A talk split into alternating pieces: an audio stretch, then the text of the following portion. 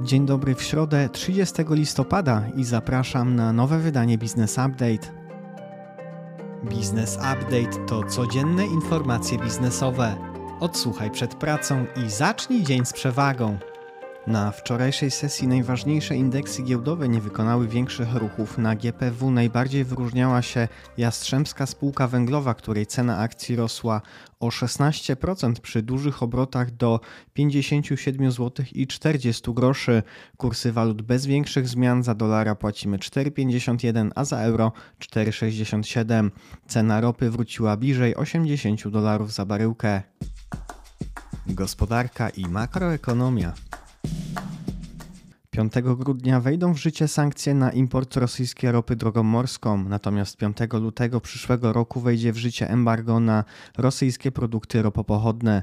Wiceprezes Orlenu poinformował, że nowe przepisy znane są już od wielu miesięcy i rynek europejski intensywnie się do nich przygotowywał. Premier Morawiecki zapowiedział, że tarcza antyinflacyjna dotycząca cen żywności będzie kontynuowana w takim kształcie, w jakim była do tej pory i zerowy VAT na żywność zostanie utrzymany co najmniej przez pierwsze półrocze przyszłego roku. Dodał, że od połowy drugiego kwartału przyszłego roku inflacja ma szansę wejść w mocny trend spadkowy. Minister finansów Magdalena Rzeczkowska poinformowała, że na wtorkowym posiedzeniu Rady Ministrów poszczególne resorty zostały zobligowane do przygotowywania planów oszczędnościowych na wypadek niespodziewanych wydarzeń. Przede wszystkim chodzi o bezpieczeństwo obronnościowe, socjalne i energetyczne. Wiadomości z Unii. Unia Europejska przedstawiła projekt, który zakłada przeniesienie rozliczania instrumentów pochodnych z Londynu do Frankfurtu. Banki oraz inni uczestnicy rynku Unii Europejskiej będą musieli wykazać organom regulacyjnym, że nie są nadmiernie uzależnieni od londyńskich izb rozliczeniowych. Globalne banki zwróciły uwagę, że jeżeli polityka Unii okaże się zbyt restrykcyjna, to zaczną rozliczanie kontraktów w Stanach Zjednoczonych. Wiadomości ze świata. W Australii Zachodniej powstanie pierwszy zakład demonstracyjny, który pozwoli rafinować lit niezbędny do produkcji akumulatorów. Pilotażowy zakład będzie budowany z wykorzystaniem opatentowanej technologii kalcynacji. To odpowiedź na popyt ze strony producentów samochodów w Stanach i Europy na metale akumulatorowe, które nie pochodzą z Chin. Bank Centralny Brazylii poinformował, że wskaźnik niewypłacalności kredytów konsumenckich i biznesowych osiągnął w październiku najwyższy poziom od prawie 4 lat. To efekt agresywnego zacieśniania polityki monetarnej w celu walki z inflacją. Stopy procentowe w Brazylii podniesiono do prawie 14%, startując z rekordowo niskiego poziomu 2% w marcu zeszłego roku. Informacje biznesowe. Pracownik C Polska, jednego z największych w kraju przedsiębiorstw świadczących usługi IT oraz inżynieryjne, został dyscyplinarnie zwolniony po tym, jak utworzył w firmie związek zawodowy. Wcześniej otrzymał wiadomość e-mail od prezesa C Gregoria Nitot, w którym ten wyraził niezadowolenie i zaznaczył, że związek zawodowy nie jest potrzebny w C. Tworzenie i działanie związków zawodowych to wolności gwarantowane w Polsce przepisami konstytucji. Lider przewozów towarowych PKP Cargo przegrał z UOKiK proces o karę za blokowanie konkurencji w przewozach kolejowych. Sąd Najwyższy oddalił skargę kasacyjną przewoźnika i decyzją prezesa UOKiK nałożono na spółkę karę w wysokości ponad 14 milionów złotych. Bank PKO SA i przedsiębiorstwo państwowe Porty Lotnicze podpisały umowę dotyczącą finansowania dla zarządzającej polskimi lotniskami firmy. Aneks zawarty do programu emisji obligacji zakłada zwiększenie finansowania do kwoty 400 milionów złotych. Ponadto przewiduje wydłużenie programu emisji obligacji do końca 2024.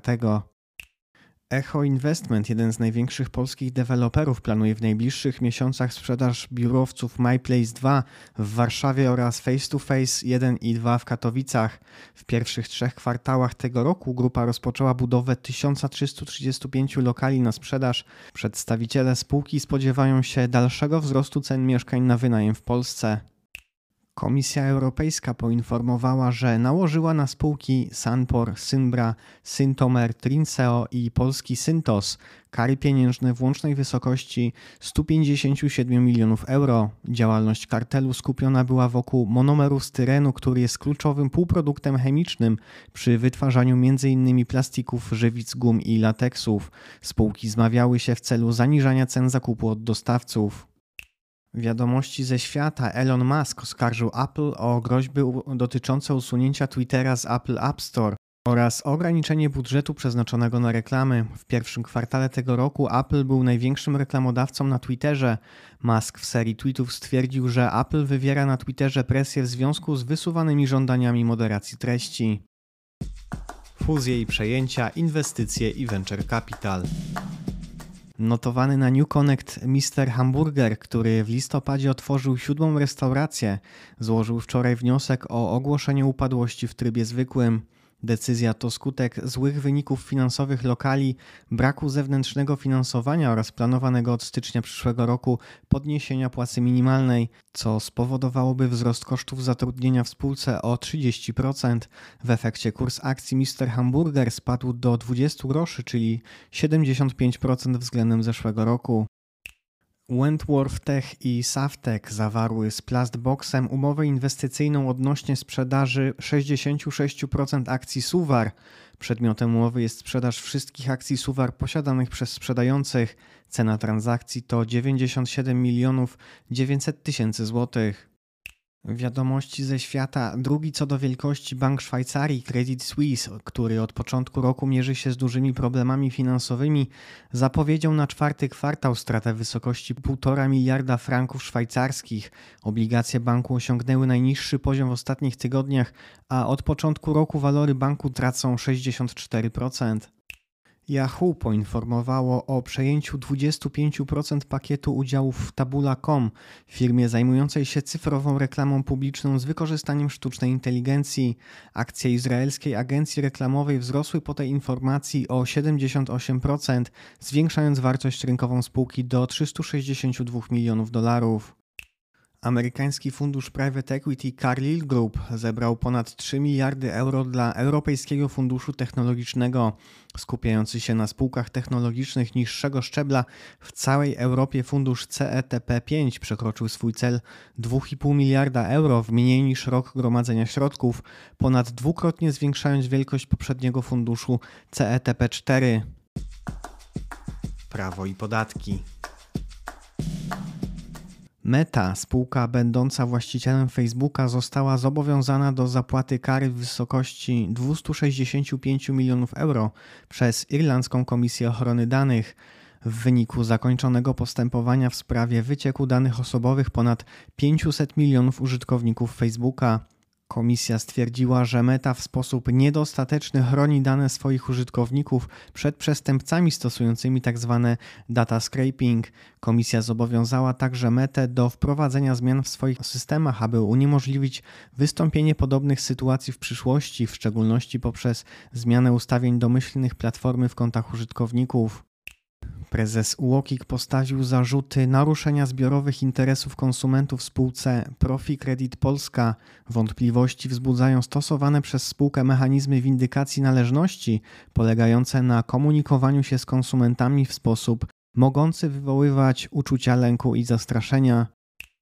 Przedsiębiorcy mają czas do 1 stycznia przyszłego roku na dostosowanie regulaminów oraz wszelkich innych formularzy i dokumentów stosowanych przez nich w obrocie konsumenckim do nowych przepisów, które wprowadzają odpowiedzialność przedsiębiorców za brak zgodności oferowanych towarów z ich reklamą oraz wadliwy montaż towaru przez konsumenta. Sąd Najwyższy podjął uchwałę, w której wyjaśnił, że przepisy ustawy o kosztach sądowych w sprawach cywilnych dotyczących preferencyjnej stawki opłaty od pozwu stosuje się do wszystkich spraw dotyczących czynności bankowych, np. przyjmowania wkładów pieniężnych, udzielania kredytów czy emitowania bankowych papierów wartościowych. Nie ma ona jednak zastosowania do usług konsultacyjno-doradczych w sprawach finansowych. Unia Europejska zdecydowała, że od 2035 roku nie będzie można zarejestrować w państwach członkowskich, w tym w Polsce, samochodów osobowych oraz dostawczych z silnikami spalinowymi. Ponadto od 2030 roku emisja CO2 nowych samochodów osobowych musi zostać obniżona średnio o 55%, a w przypadku dostawczych o 50%. Unia Europejska rozpoczyna konsultacje z przedstawicielami rynku w zakresie dostosowania się przedsiębiorców do nowych wymogów. Wiadomości rynkowe. Z rankingu przeprowadzonego przez EY wynika, że Polska staje się coraz bardziej atrakcyjną lokalizacją dla inwestorów w OZE ze względu na silny i wciąż rosnący sektor fotowoltaiki oraz bardzo duży potencjał rozwoju morskich farm wiatrowych. Jednak według raportu Copernic Connect wynika, że 95% wniosków o przyłączenie instalacji fotowoltaicznej do sieci jest obecnie odrzucanych. Przyczyną odmów jest niedostateczny stan sieci i zbyt wysoki koszt inwestycji w jej modernizację. Według Instytutu Ekonomiki Rolnictwa i Gospodarki Żywnościowej produkcja trzech podstawowych rodzajów mięsa w Polsce w tym roku spadnie o 4%. Produkcja wieprzowiny zmniejszy się prawdopodobnie o około 12%, a wołowiny o 10%. To już wszystkie informacje w podcaście. Wszystkie źródła informacji znajdą Państwo w newsletterze, na który można zapisać się na biznesupdate.pl. Ja życzę Państwu owocnej środy i do usłyszenia jutro.